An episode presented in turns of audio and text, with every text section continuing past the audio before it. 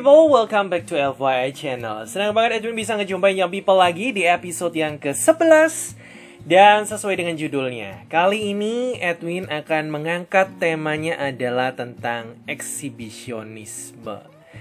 Ya, kenapa sih ngangkat tema ini? Mungkin gini nih, karena beberapa minggu ini kan juga pemberitaan lagi heboh banget ya. Banyak sekali kasus-kasus uh, pelecehan ya karena pelaku eksibisionisme ini semakin uh, menjamur bisa dibilang seperti itu. Jadi kita akan bahas apa sih sebenarnya eksibisionisme itu ya dan bagaimana cara penanganannya. So let's check it out.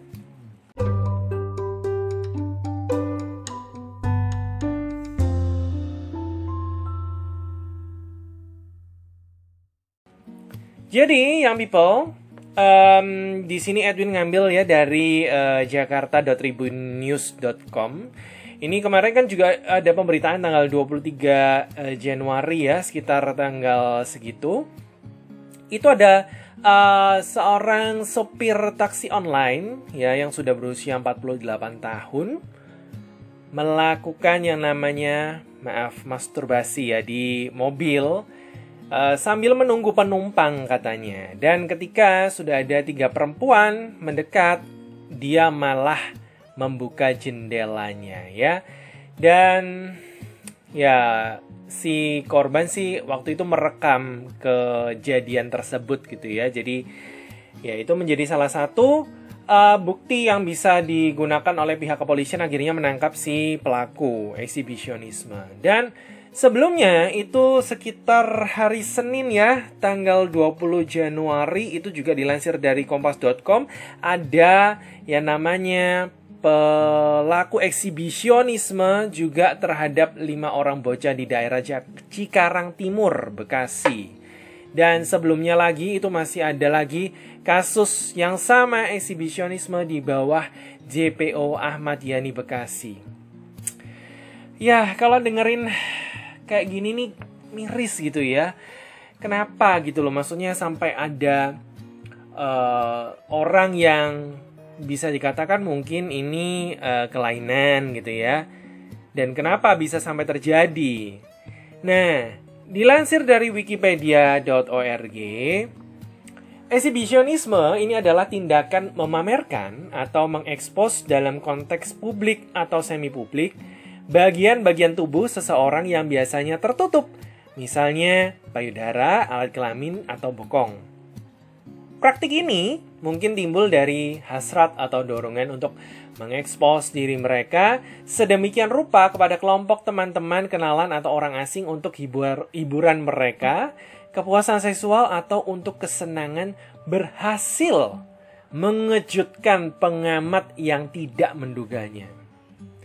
Dan eksibisionisme ini pertama kali digambarkan sebagai penyakit jiwa dalam jurnal ilmiah terbitan 1877 karya dokter dan psikolog Prancis Charles Lassegue uh, ketika perilaku eksibisionisme ini telah mengganggu kualitas hidup seseorang untuk dapat berfungsi secara normal, maka perilaku ini dianggap kelainan psikologis. Dan ini juga sudah masuk dalam kategori Diagnostic and Statistical Manual edisi keempat ya. Dan itu uh, disebut juga dengan parafilia, yaitu sekelompok gangguan yang mencakup ketertarikan seksual terhadap objek yang tidak wajar atau aktivitas seksual yang tidak pada umumnya. Ya, itu adalah uh, sedikit gambaran gitu ya yang people untuk definisi dari eksibisionisme dan ternyata itu juga masuk dalam kategori penyakit jiwa atau kelainan psikologis ya. Dan sebuah tim penelitian melakukan riset dengan mengambil sampel responden dari 185 pelaku eksibisionisme dengan pertanyaan, Bagaimana Anda lebih suka seseorang untuk bereaksi jika Anda menunjukkan kemaluan Anda kepadanya? Nah, tanggapan yang paling umum adalah sebanyak 35,1% itu ya menjawab ingin melakukan hubungan seksual. Ya, kemudian diikuti oleh 19,5% ini kepingin untuk uh, yang korbannya ini tidak ada reaksi yang diperlukan sama sekali. Dan sebanyak 15,1% persen ini ingin untuk menunjukkan kemaluan mereka juga, ya. Kemudian 14,1 persennya adalah kekaguman, kemudian 11,9 persennya adalah reaksi apa pun, tapi hanya sedikit responden memilih kemarahan dan jijik itu hanya 3,8 persen ataupun rasa takut itu hanya 0,5 persen. Ternyata begitu ya, mereka juga ingin korbannya kurang lebih melakukan hal yang sama seperti mereka. Nah, beberapa jenis perilaku yang bisa dikategorikan dalam eksibisionisme adalah di sini ada beberapa nih yang people. Yang pertama adalah anasirma. Ini adalah mengangkat rok ketika tidak mengenakan celana dalam dengan tujuan untuk memamerkan alat kelamin. Astaga, ya mungkin mungkin ya kalau kalau kena angin gitu ya, kemudian roknya kebuka, apakah ini juga termasuk? Tapi kalau misalnya menggunakan celana dalam ya enggak lah ya harusnya. Ini hanya untuk mereka yang tidak mengenakan celana dalam dan sengaja mengangkat roknya seperti itu. Kemudian yang berikutnya adalah flashing. Flashing ini adalah membuka secara sementara anggota tubuh yang biasanya tertutup. Pada perempuan misalnya memamerkan secara singkat payudara, telanjang dengan gerakan mengangkat dan menurunkan pakaian dan atau bra secara singkat atau juga memamerkan secara singkat alat kelamin baik laki-laki maupun perempuan. Yang ketiga adalah martimaglia. Ini adalah suatu jenis parafilia yang melibatkan ketertarikan seksual agar orang lain menonton tindakan seksual yang dilakukannya. Oh, suka pamer gitu ya maksudnya ya. Kemudian yang keempat adalah mooning. Mooning ini mempertunjukkan uh, bokong telanjang dengan cara mendodorkan celana dan celana dalam. Perilaku ini cenderung menjadi berstandar ganda berbasis gender jika dilakukan oleh laki-laki. Perilaku ini juga lebih sering dianggap lelucon ya. Kalau laki-laki yang melakukannya lelucon, humor, hinaan atau ejekan dan tidak ada hubungannya dengan rangsangan seksual. Tapi kalau misalnya yang melakukannya adalah perempuan, itu hal kebalikannya yang terjadi yaitu dianggap rangsangan seksual atau sedikitnya perhatian seksual kepada orang sasaran yang ditunjukkan gitu ya. Kemudian yang kelima adalah streaking. Streaking ini adalah aksi berlari telanjang bulat melintasi tempat umum. Tujuannya biasanya bukan bersifat seksual, tetapi nilai ketegangan dan kejutan dan dapat dilakukan laki-laki atau perempuan. Mungkin uh, di luar negeri ya, daerah barat Eropa sana itu mungkin ada kebiasaan-kebiasaan atau kegiatan yang seperti ini. Tapi kalau di Indonesia nggak mungkin ada lah ya. Kemudian yang ke berapa nih? 1, 2, 3, 4, 5, 6 ya. Kandaulisme ini adalah ketika seseorang menelanjangi pasangan seksualnya dengan cara yang eksplisit. Oh, termasuk juga ya? Uh, ya udahlah. Edwin nggak punya pengalaman jadi nggak berani komen deh. Yang selanjutnya adalah reflecto porn. Ini adalah aksi menelanjangi diri sendiri dan mengambil gambar, baik itu foto maupun video ya, dengan menggunakan permukaan memantul seperti cermin, kemudian mengunggah gambar tersebut ke internet atau forum publik. Contoh perilaku ini termasuk pantulan laki-laki atau perempuan telanjang yang terpantul pada permukaan ceret, televisi, pemanggang roti, dan bahkan pisau, sendok, dan garpu. Nah, contoh ini dimulai dengan tren yang melibatkan seorang pria menjual ceret dalam acara lelang di Australia dan memamerkan foto ceret dengan pantulan tubuh telanjangnya pada permukaan ceret. Contoh lainnya termasuk sebagai berikut dan istilah spesifik rel reflecto porn ini pertama kali dipopulerkan oleh Chris Stevens ya di Internet Magazine. Kemudian Jenis perilaku yang dikategorikan eksibisionisme yang terakhir adalah skatologia telepon. Ini beberapa peneliti mengklaim bahwa perilaku ini adalah varian eksibisionisme meskipun tidak dapat uh, tidak terdapat komponen interaksi fisik secara langsung ya. Mungkin kalau zaman sekarang nih yang people itu musim gitu ya, uh, dikit-dikit VC dong VC ya video call maksudnya. Ya kalau zaman sekarang. Kalau dulu mah ya uh, mungkin pakai telepon Terus kemudian ini nih nelpon yang 0809894 kali. Ayo ada yang inget? ini beneran kok kalau yang ini adalah Telkomnet instan dulu kalau kita mau sambungin internet ya itu kan harus ini ya redial calling dulu tuh ke nomor uh, dialnya Telkomnet instan baru bisa nyambung kalau zaman dulu kalau sekarang mah dari handphone aja udah bisa kan langsung video call langsung telepon hmm ya itulah Nah, secara umum itu terdapat dua kelompok utama eksibisionisme. Ada yang berbahaya dan ada juga yang tidak berbahaya. Duh, ada ya ternyata yang nggak berbahaya ya. Jadi gini nih, eksibisionisme itu diklasifikasikan ternyata menjadi empat kelas. Yang pertama adalah eksibisionis berfantasi. Di sini orang-orang ini berfantasi memamerkan alat kelamin mereka kepada orang-orang yang tidak curiga, tetapi terlalu takut untuk benar-benar melaksanakan fantasi itu. Mereka cenderung untuk tetap bahagia hanya dengan fantasi eksibisionis mereka. Beberapa dari mereka mungkin beralih ke eksibisionisme zoofilik uh, untuk memenuhi fantasi mereka karena tampaknya ini adalah kegiatan yang lebih aman. Jadi uh, kepingin apa ya memacu adrenalin gitu ya yang people, cuman masih ada takut-takutnya gitu loh. Kemudian eksibisionis uh, murni, ini yang kelas yang kedua, ini adalah orang-orang ini puas dengan hanya memamerkan alat kelamin mereka dari kejauhan dan maaf bermasturbasi.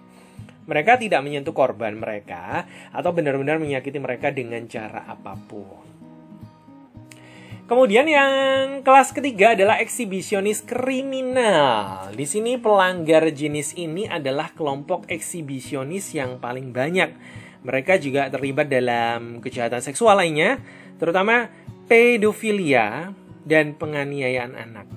Setelah menemukan seorang anak sebagai korban, perilaku seksual mereka mungkin dimulai dengan eksibisionisme tetapi dapat berkembang menjadi kejahatan pelecehan seksual dan penganiayaan anak. Hal ini dianggap sangat berbahaya bagi masyarakat dan memerlukan perhatian lebih.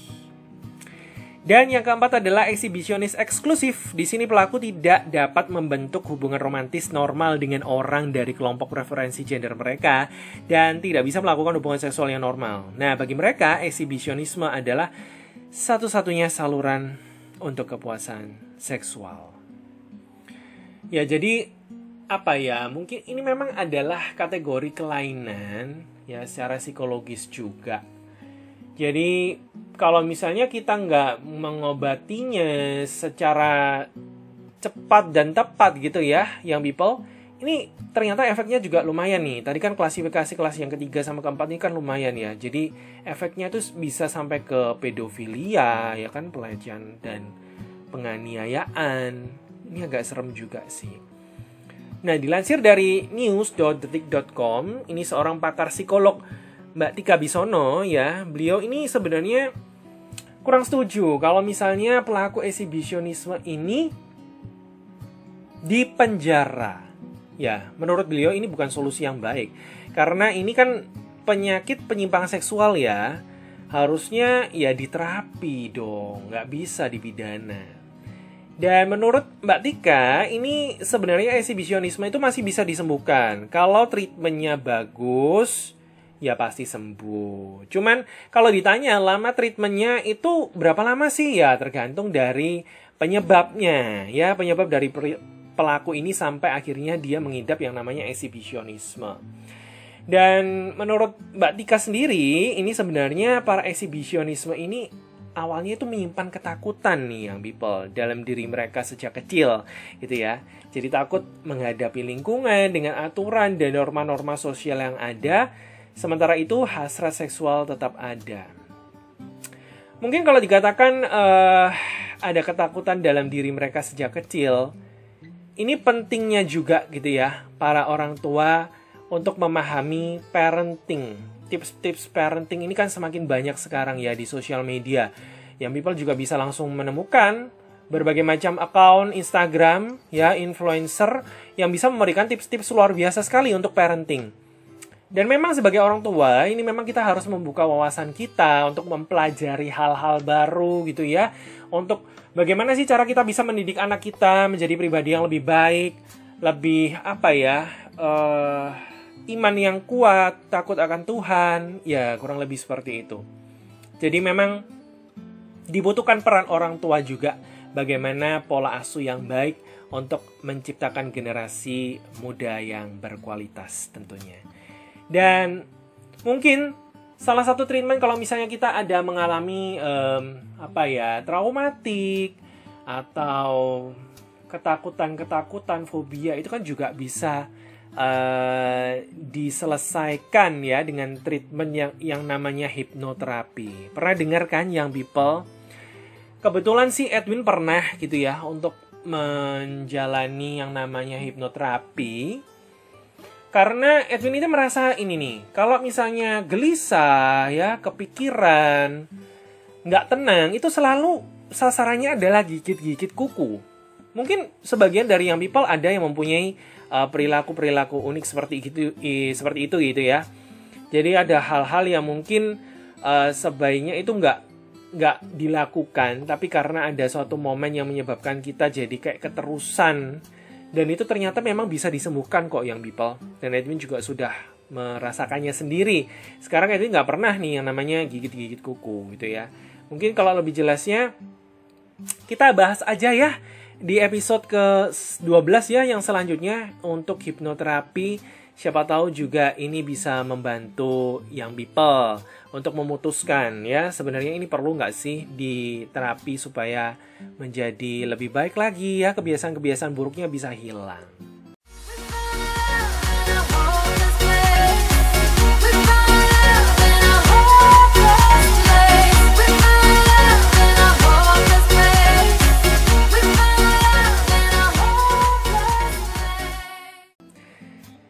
Dan tak terasa kita sudah berada di penghujung podcast kali ini.